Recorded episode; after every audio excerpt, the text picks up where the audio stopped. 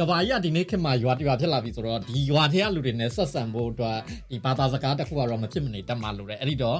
အားလုံးနဲ့ဆက်ဆံနိုင်တာကတော့ကဘာသုံးအင်္ဂလိပ်စာစကားပေါ့မဟုတ်မှာဟုတ်ပါတယ်ဒါမြန်မာနိုင်ငံမှာဆိုရင်ပေါ့နော်ကျမတို့ဒီမူလာတန်းစပြီးတော့ဒီအင်္ဂလိပ်ဘာသာစကားကိုသင်တဲ့ဆယ်စုနှစ်တွေချီပြီးတော့သင်ပေမဲ့ပေါ့နော်ဒီဘာသာစကားကိုကျွမ်းကျင်တဲ့အဆင့်ကိုမရောက်လာဘူး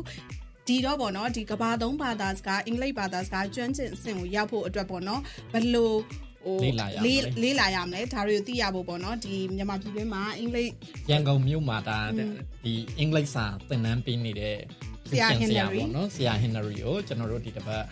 မှာပြောချင်ဆရာစီစဉ်အမေဖိတ်ခေါ်ထားပါလိမ့်မယ်ရှင်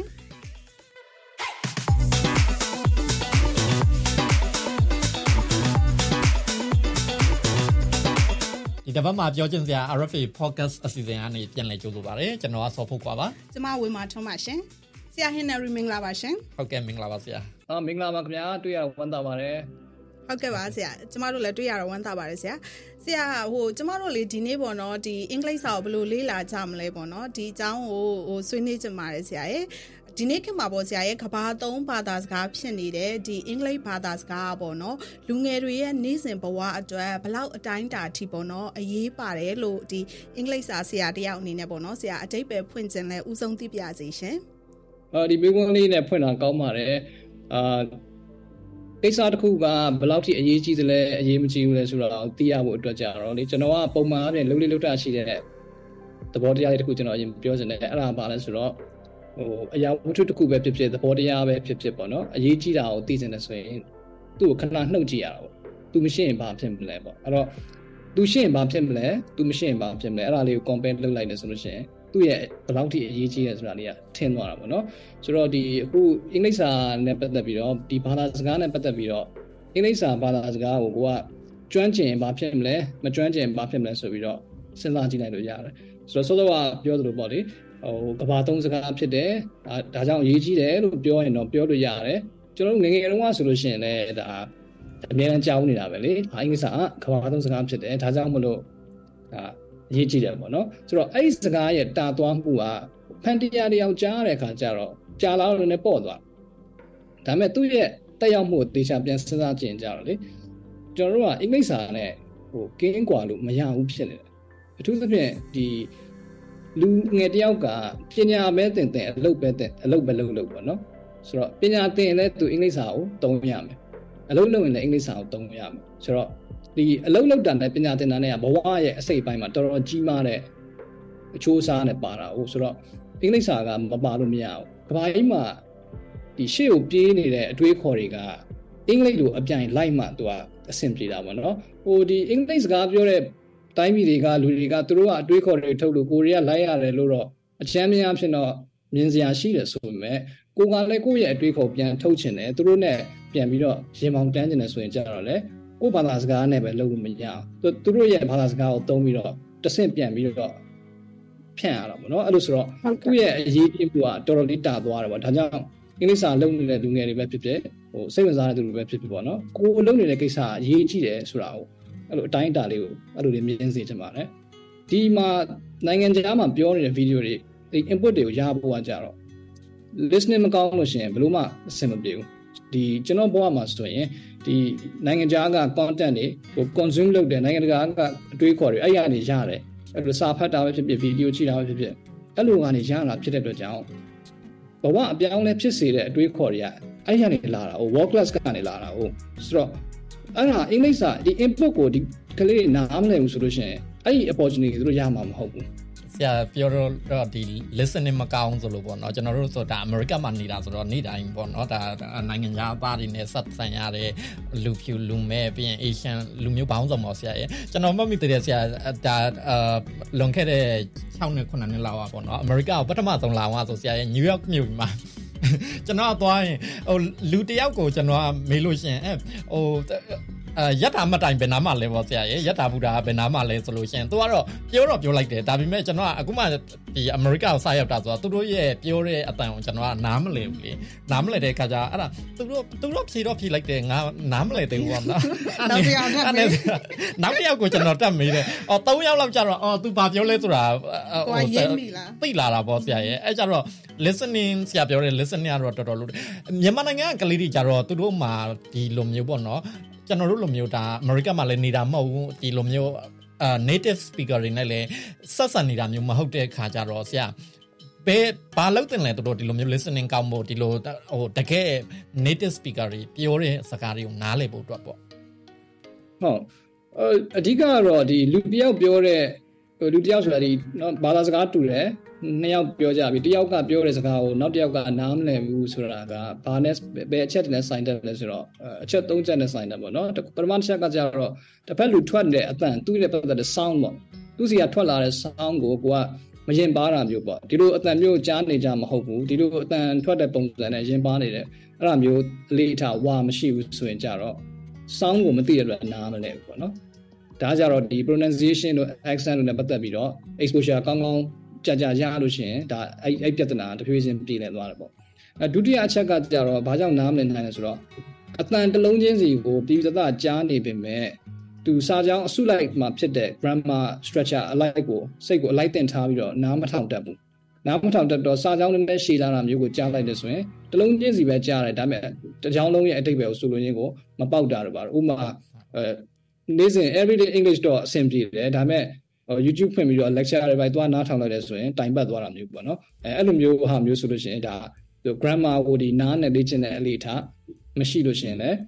ပြဿနာတက်တယ်ပေါ့နောက်တစ်ခုကကြတော့ sound ရဲ့ grammar နဲ့ပတ်သက်ပြီးတော့ရနေပေမဲ့ပြောနေတဲ့သူရဲ့အကြောင်းအရာနောက်ခံဒီ context ပေါ့အခင်းအကျင်းကိုသဘောမပေါက်ဘူးဆိုရင်လည်းအကုန်ကြားနေပေမဲ့ဆိုလိုရင်းကိုမသိဘူးဆိုတော့အဲ့ပြဿနာသုံးခုအထိုက်အလျောက် ဟို address လုပ်မယ်ဆိုလို့ရှိရင် listening skill ကသိတာတက်လာနိုင်တယ်ပေါ့နော်ဟုတ်ကဲ့ဆရာဆရာဆရာပေါ့နော်ဒါဟိုအစပိုင်းမှာဒီဆရာမဖြစ်ခင်ဒါဟိုဘာသာစကားကိုလေးလာသူဖြစ်ခဲ့မှာပဲပေါ့နော်ဒီလိုလေးလာသူကနေဆရာတယောက်ဖြစ်လာတဲ့ lanky မှာပေါ့ဆရာရောဒီအင်္ဂလိပ်ဘာသာစကားကိုကျွမ်းကျင်ဆင်ရောက်ဖို့ lanky မှာဖြတ်ခဲ့ရတဲ့အခြေအနေတွေအခက်အခဲတွေကိုဒါအခုပေါ့နော်စာလေးလာနေတဲ့သူတွေကိုဝေမျှပေးပါအောင်ဆရာလူတယောက်တင်တဲ့တစ်ခုကနေပြီးတော့ တတလုံးစာအတွက် train လိုက်တဲ့ဟာမျိုးကာလာ duration တစ်ခုနဲ့သွားတာမျိုးမဟုတ်ဘူးသူကသူဟိုနာ pick up လုပ်လိုက်ဒီနာ pick up လုပ်လိုက်နဲ့သွားတာဆိုတော့အရေးကြီးတဲ့တချို့အချက်လေးကျွန်တော်ပြန်ပြီးတော့ share ပေးမယ်ပေါ့နော်ဟုတ်ကဲ့အခက်ဟိုအခက်ခဲကဘယ်မှာဖြစ်လဲဆိုတော့ဒီစစချင်းကျွန်တော်ကအားကောင်းတာကဒီ reading ကိုအားကောင်းတယ်ဆိုတော့ grammar ကိုကျွန်တော်က reading နဲ့ဒီ story ဖတ်တာကိုကျွန်တော်9တန်း10တန်းလောက်တည်းကဖတ်တာဆိုတော့အဲ့မှာကျွန်တော်ကကျောင်းမှာသင်ရတဲ့ grammar က ဘလို့အတိတ်ပဲလက်တွေ့မှာဘလို့အတွေးတွေနဲ့ချိတ်ပါတယ်ဆိုတော့ဟိုအရသာရုပ်လုံးကြွတာကျွန်တော်မြင်မှုပြီးသားခန်းစားပြီးသားဖြစ်တဲ့လို့ကြောင့်အဲ့ဒီအပိုင်းကပြဿနာမရှိဘူးပြဿနာရှိတာစောစောကလိုမျိုးဒီ listening တွေပါတယ်လုပ်တဲ့အခါကျတော့ကျွန်တော်တို့ကကြတော့ဒီအခုလိုမျိုး content ကရှိမနေဘူးလေရှိမနေတော့ဟိုတုန်းကဆရာကြီးတွေပြောသလိုပါ radio နားထောင်တာတော့ပါတော့လား BBC World Service ကိုပွင့်အဲ့မှာကျွေးကျွေးနဲ့ဖန်အဲ့လိုမျိုးနားထောင်တဲ့အချိန်ပေါ့နော် internet ဆိုတာလည်းအဲ့တော့မရှိသေးဘူးဆိုတော့ အဲ့ဒီဟာကတော့အဲ့ဒီ barrier ကိုကျော်ဖို့ကနှစ်တော်တော်ကြာတယ်ပေါ့ဆိုတော့ဟိုအဲ့ဒါကဘယ်ကြားမှာပြောင်းသွားလဲဆိုတော့ကိုဖတ်တဲ့စာတွေနောက်ပိုင်းပညာရေးဆိုင်ရာလေ့လာတဲ့အချိန်မှာဒီ textbook တွေကိုဖတ်ရတယ်ဆိုတော့ကျွန်တော်ပြောတယ်ဆရာဥဒနိုင်စီကကျွန်တော်ရလိုက်တဲ့အရန်အဖို့တန်တဲ့အကြံဉာဏ်ပါလဲဆိုတော့သူကပြောတယ်မြန်မာကျောင်းသားနဲ့နိုင်ငံတကာကျောင်းသားနဲ့ဘာကွာလဲဆိုတော့နိုင်ငံတကာကျောင်းသားက textbook ဖတ်တယ်မြန်မာကျောင်းသားမဖတ်ဘူးအဲ့တော့သူတို့ကိုရှင်းနိုင်ခြင်းလို့ရှိရင် textbook ကိုအုပ်လိုက်ဖတ်တဲ့အကျင့်ရအောင်မွေးဆိုလို့ကျွန်တော်အဲ့ဒါကိုလုပ်ကြည့်တာပေါ့နော်လုပ်ကြည့်တော့တစ်နှစ်ခွဲနှစ်လောက်မှတော်တော်သိတာဆိုအဲ့မှာစပြီးတော့တိုးတက်မှုတွေစပြီးတော့ဖြစ်တာပေါ့နောက်ပိုင်းကျန်တာကတော့ exposure ကျွန်တော်က speaking ပြောစရာ exposure မရှိဘူးဒါပေမဲ့အတန်နဲ့ပတ်သက်ပြီးတော့အရန်ကြီးရှက်တက်ကြောက်တက်တဲ့အထဲမှာကျွန်တော်မပါဘူးအင်္ဂလိပ်စာကိုလည်းအကြိုက်နေတယ်ဆိုတဲ့အခါကျတော့ဟိုတကယ်တမ်းဒီနိုင်ငံခြားသားတွေပိုင်းနဲ့ပြောဖို့ကြုံလာတဲ့အချိန်မှာအထိုက်လျောက်အဆင်ပြေတယ်ပေါ့နော်ကြာကြာလဲနေလိုက်တဲ့အခါကျတော့ ဟိုကြာကြာနေဆိုတာဒီအမြဲပြောပြစေတဲ့တငယ်ချင်းတယောက်ကျွန်တော်ရသွားတယ်အဲ့လိုဖုန်းတွေမှာလည်းအမြဲပြောတယ်ပေါ့နော်အဲအဲ့လိုမျိုး exposure ကိုရသွားတဲ့အခါကျတော့အဆင်ပြေသွားတယ်ပေါ့ဟုတ်ကဲ့ဆရာဆရာဆွနာပြောလို့ပေါ့နော်ကျွန်တော်တို့ဆိုငငယ်ကရန်ကုန်မှာနေအောင်အားဆိုလို့ရှင်ကျွန်တော်ရန်ကုန်မှာကြီးတာတော့မဟုတ်ပါဘူးဒါပေမဲ့ဒီစေကျော်တက်ရွယ်မှာရန်ကုန်မှာရောက်နေတဲ့အခါကျတော့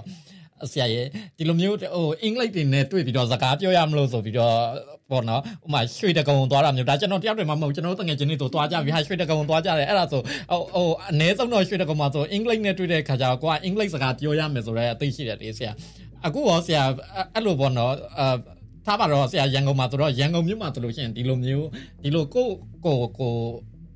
နိုင်ငံခြားရောက်သွားတဲ့ပတ်ဝန်းကျင်မျိုးဖန်တီးပေးနိုင်တဲ့နေရာတွေဘယ်နေရာတွေကိုသွားရမလဲရွှေတကုံဖျားရဲ့ပြီးတော့ဘယ်နေရာတွေလဲပေါ့ဆရာအဲအခုအခုကြတော့အခုကဘယ်လိုဖြစ်သွားလဲဆိုတော့ အရင်ကနဲ့ဆိုင်အများကြီးကန်ကောင်းသွားတာက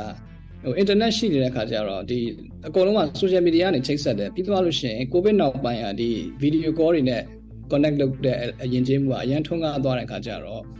ကျွန်တော်တို့တုန်းကဘလို့မှမဖြစ်နိုင်တဲ့အခွင့်အရေးတွေကသူတို့စီမှာရသူတို့အပြင်ကိုတော့သွားကြရမလို့ဘူးပေါ့နော်အပြင်ကိုသွားတဲ့ခါရှိတယ်ဥပမာ American Center တို့ဘာလို့သွားမယ်ဆို activity တွေလုပ်ရတာရှိတယ်နောက် British Council သွားတယ်သူတွေရှိတယ်အဲ့ဒီနှစ်နေရာကတော့အဓိကပေါ့ပုံများတဲ့အချိုးစားတစ်ခုကအခုနောက်ပိုင်းကဘယ်လိုဖြစ်သွားလဲဆိုတော့ အကုန် online ကပဲသွားရတာဆိုတော့သူတို့ကတခြားဒီ time zone တူတူတွေတခြားနိုင်ငံကသူတွေမြန်မာပဲဖြစ်ရင်လည်းဖြစ်မယ် foreigner ဖြစ်ရင်လည်းဖြစ်မယ်အကုန်လုံးကိုသူတို့ connect လုပ်တဲ့အလေးထားအဲ့အားဖြင့်သူတို့ရသွားတယ်ဆိုတော့အရင်တုန်းကထက်ဆိုင်ကျွန်တော်ဒီ January ရှေ့ပိုင်းထက်စားလို့ရှင်ဒီ Gen Z နဲ့ဒီ back နောက်ပိုင်းကလူတွေကအဲ့ဒီဟာကိုသူတို့ကောင်းကောင်းသုံးပြီးတော့အဆင်ပိုပြေလာကြတာပေါ့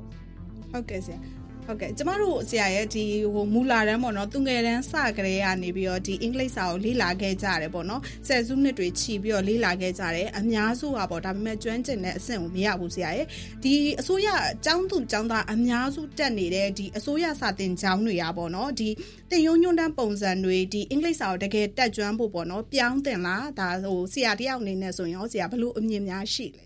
ဆရာ ဟုတ်ကဲ့အဲ့ဒီဟာအရေးကြီးတယ်ဒီမြန်မာကျောင်းသားအများစုကအင်္ဂလိပ်စာနဲ့ပတ်သက်ရင်ပြဿနာအခက်အခဲဖြစ်ရတဲ့အဓိက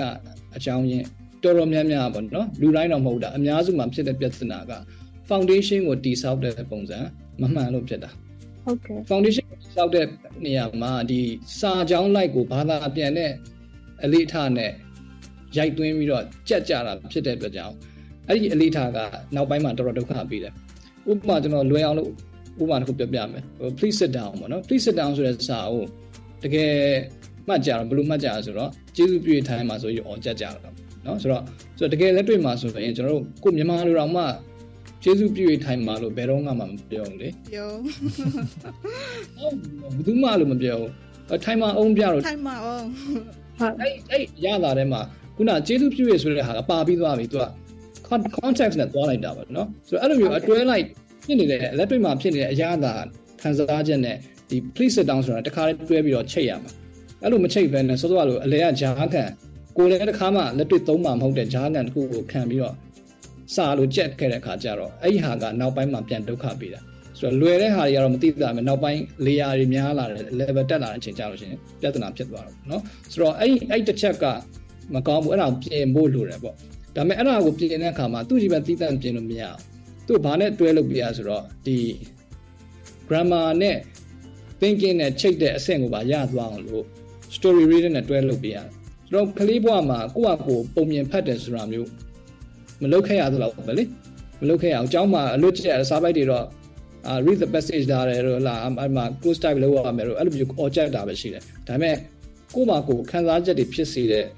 ပုံမြင်လေးတွေလှုပ်ဆော်ပေးတဲ့ဇာတ်ကြောင်းလေးတွေဒါမျိုးလေးတွေနဲ့တွဲပြီးတော့မြင်ရမှ ကလေးတွေက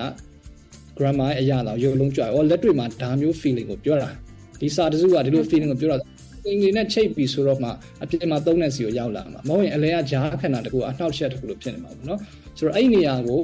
များများဖြည့်ဆည်းပေးမယ်ဆိုလို့ရှိရင်ဟို budget အများကြီးသုံးစရာမလိုဘဲနဲ့တိတတာပြောင်းလဲနိုင်တယ်ပေါ့နော်ဆိုတော့အခုဒါပေမဲ့နောက်ပိုင်းကလေးတွေကသူကကြတော့ဒီ story approach နဲ့တော့သူတို့သိမသွားကြတော့သူကဒီ internet က YouTube ပဲချင်းလုံးကြည့်နေပြီးတော့ ဟိုဒါရိုက်သူတို့ရကြတဲ့ဟာတွေရှိတယ်ဆိုတော့နောက်ပိုင်းတော့ပို့ပြီးတော့ပွင့်သွားပါတယ်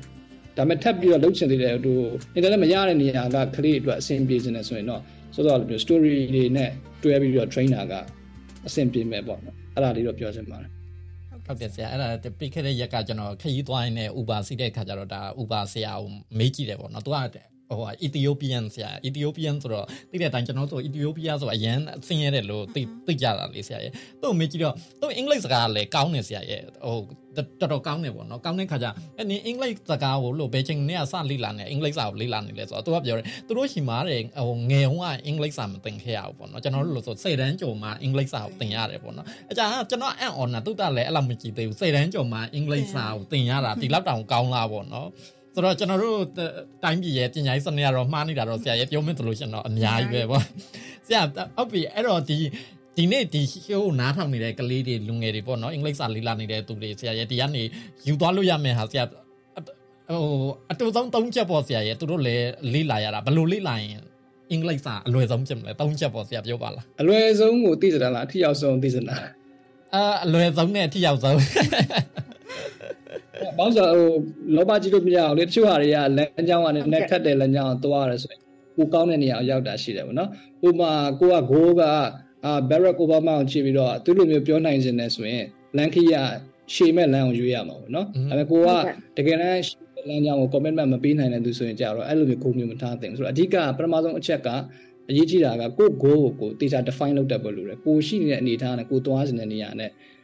goal ကမကိုက်ဘူးဆိုရင် ရေရှည်မှာဟိုလဲထွက်နေနိုင်မှာမနော်လိုလိုချင်တာလည်းရမှာမဟုတ်ဘူးအဲ့လိုမျိုးစိတ်မချင်တာပဲဖြစ်နေမှာဆိုတော့အဲ့ဒီအချက်ကအရေးကြီးတယ်ကိုယ့်ရဲ့ပြဿနာအခုလက်ရှိကြုံနေရတဲ့ဟာကဥမာ pronunciation လား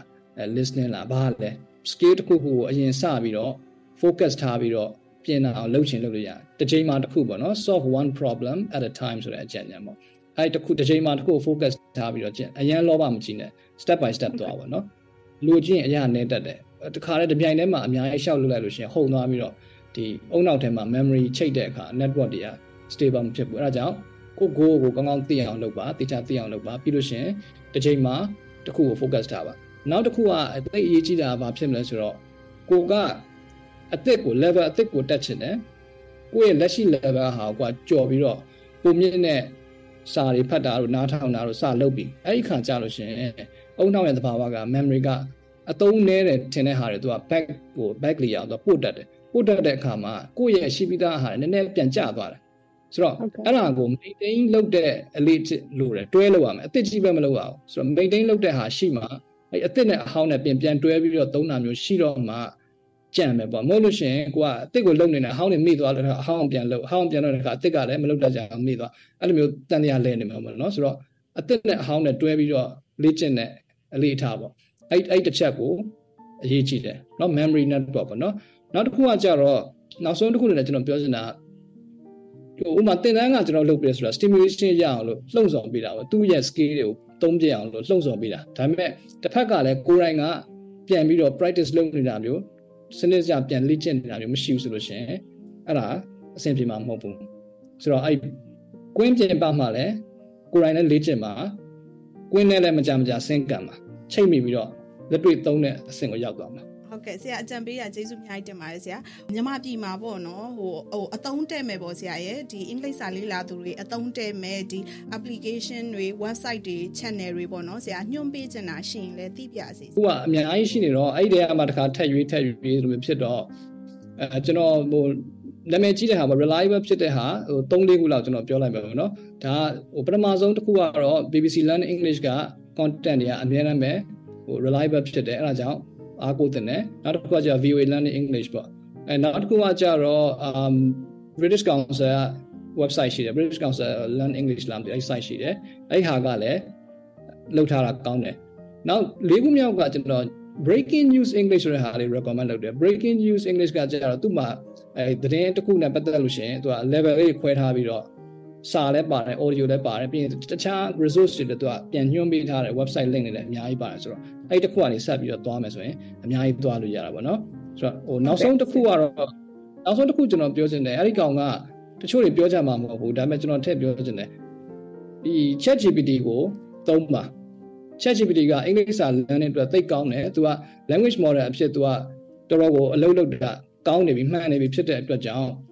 တခြားအတွက်မသုံးဘူးဆိုရင်တော့အင်္ဂလိပ်စာ အတွက်ကိုသုံးလို့ရတယ်သူ့စီကနေပြီးတော့ဒီစာကိုထုတ်လို့ရတယ်သူ့မှာရေးထားတဲ့စာက expository လို့ခေါ်တဲ့ level နဲ့သူကရေးထားတာဖြစ်တဲ့လို့ကြောင့်အပြင်မှာသတင်းပဲဖတ်ဖတ်ဒီ textbook တွေပဲဖတ်ဖတ်သူအဲ့အဲ့ဟာတော့ကို train ပြီးသားဖြစ်တယ်ဆိုတော့အဲ့ဒီဟာကိုများများသုံးပါလို့ကျွန်တော်အကြံပေးချင်ပါတယ် ဟုတ်ကဲ့ကျေးဇူးပါဆရာဆရာတခုကလည်းပေါ့နော်အခုမြန်မာပြည်မှာဆိုရင်ဆရာရဲ့ဒီအင်္ဂလိပ်စာသင်တန်းတွေထောင်တောင်းချီပြီးတော့ရှိနေတယ်ပေါ့နော်အဲ့ထဲမှာမှလူတွေကဟိုဟိုအင်္ဂလိပ်စာကိုလေ့လာခြင်းတဲ့သူတွေကအတန်းတွေကိုရွေးကြရတာမျိုးရှိတယ်ပေါ့အဲ့ထဲမှာမှဟိုထိထိရောက်ရောက်ပေါ့နော်ရွေးချယ်မှုမှန်ကန်ဖို့ဆိုရင်ရောဘယ်လိုအချက်တွေကိုဒါဟိုဟိုကြည့်ပြီးတော့ရွေးချယ်တင်တယ်လို့များပြောနိုင်မလဲဆရာဒီမေကွန်ကတော့ဆရာကိုတခြားစာတင်နေတဲ့လူတွေနဲ့ရန်တိုက်ပေးလို့တော့ဖြစ်တာပေါ့ဒါပေမဲ့ဆရာရဲ့တင်တန်းရွေးမယ်ဆိုရင်ဘယ်လိုတင်တန်းရွေးရမလဲပေါ့ဆရာရဲ့ ဒါကြတော့ပြောရခက်တယ်ဟိုထိရောက်တယ်ဆိုတာသင်တန်းတွေကလည်းမျိုးစုံဖြစ်နေတယ် level ကလည်းမျိုးစုံဖြစ်နေတယ်အဲ့တော့တစ်ချက်တော့ဟိုအကြောင်းသူအကြောင်းသားတွေအနေနဲ့ပဲဖြစ်ဖြစ်မိဘတွေအနေနဲ့ပဲဖြစ်ဖြစ်တစ်ချက်တော့ homework တော့တေချာလုပ်ရမှာပေါ့နော်သင်တန်းတစ်ခုကို Facebook မှာတွေ့တာပဲဖြစ်ဖြစ်အဲ YouTube မှာပဲဖြစ်ဖြစ်တခြား channel တွေမှာ Telegram မှာဖြစ်တွေ့တယ်ဆိုရင်ကိုလိုချင်တဲ့ learning goals နဲ့သင်တန်းကပေးတဲ့ဟာနဲ့ guide မ guide ကြည့်တာတော့အရေးကြီးဆုံးဖြစ်မယ်လို့ထင်တယ်သင်တန်းကတော့ supporting role ဒီမှာပဲရှိတယ်အဓိကကိုယ်တိုင်လည်းတေချာလေးလုပ်ဖို့လိုတယ်ပေါ့အဲ့ဒီတစ်ချက်ကိုတော့မမေ့နဲ့ပေါ့နော်ဟုတ် ဟုတ်ကဲ့ဆရာဟုတ်ကဲ့ကျွန်တော်တို့ season မှာပါဝင်ပေးတဲ့အတွက်ဆရာကျေးဇူးတင်ပါတယ်ဗျာကျွန်တော်လည်းအခုလိုညဝယ်ခွင့်ရအောင်ဖိတ်ခေါ်ပေးတဲ့အတွက် Ari Bamis ကိုကျေးဇူးတင်ပါတယ်ဟုတ်ပါပြီဆရာပြောသွားတဲ့အခါဒါမှတ်သားစရာတွေလေးလာသိရင်ပြမယ်ဟာတွေတော့အများကြီးပဲဆရာပြောသွားတဲ့ချက်ထဲမှာကျွန်တော်ကောက်မိတလောက်ဆိုလို့ရှိရင်ဒါကိုယ့်ရဲ့ goal ကိုရအောင်သွားပါတော့ကိုကတကယ်ပဲအင်္ဂလိပ်စာကိုတတ်ချင်တယ်ဆိုလို့ရှိရင်တော့မလျှော့တဲ့ဆိုရင်လည်းလုံးမယ်ဆိုလို့ရှိရင်ရမယ်အချိန်တစ်ခုမှာကျွမ်းကျင်တဲ့အဆင့်ရောက်မှာပေါ့နော် ဟောအများစုပေါ့နော်ကိုယ်ပါဝင်အများစုကဘာဖြစ်လဲဆိုတော့စတော့လှုပ်တယ်ဒါပေမဲ့ရေရှည်ကိုပေါ့နော်ဒါတာဝေးကိုမသွားနိုင်ကြတဲ့အတွက်ဒီအခက်ခဲကိုမကြော်လွန်နိုင်တဲ့အနေအထားမျိုးတွေဖြစ်နေတော့စိတ်တော့မညစ်ပါနဲ့ဒါအင်္ဂလိပ်စကားကိုလေဟို fluent ကိုကမပြောတတ်ဘူးဆိုလို့ရှင်တော့ကိုနဲ့ကျွမ်းကိုနဲ့သက်ဆိုင်နေတာဟိုပါပေါ့နော်ပတ်ဝန်းကျင်ဥမာကွာစီးပွားရေးသမားဆိုလို့ရှင်စီးပွားရေးနဲ့ပတ်သက်တဲ့အင်္ဂလိပ်စာတို့ပေါ့တိတယ်မှာကျွန်တော်တို့ကမီဒီယာဆိုလို့ရှင် journalism နဲ့ပတ်သက်တဲ့အင်္ဂလိပ်စာတို့အဲ့လိုမျိုးကိုယ့်ရဲ့ feel ကိုသိမယ်ဆိုလို့ရှင်တကယ်တော့အင်္ဂလိပ်စာဘာသာစကားတစ်ခုဆိုတာတယောက်နဲ့တယောက် communication လုပ်ဖို့တယောက်ပြောတာကိုတယောက်နားလဲတယ်ဆိုလို့ရှင်တော့ဒါအဆင်ပြေတာပဲပေါ့နော်ဟုတ်ကဲ့ဒီတစ်ပတ်မှာပြောချင်စရာ RFA podcast အစီအစဉ်ဒီလောက်ပါပဲခင်ဗျာဟုတ်ကဲ့ပါကျမတို့ရဲ့အစီအစဉ်ကို Facebook နဲ့ YouTube တို့မှာကြည့်ရှုနိုင်တယ်လို့ဟို podcast အစီအစဉ်တွေဖြစ်တဲ့ Google Spotify နဲ့ Apple တို့မှာလည်းကြည့်ရှုနိုင်ပါတယ်ရှင်နောက်တစ်ပတ်မှာပြန်လည်ဆုံတွေ့ကြမယ်ခင်ဗျာ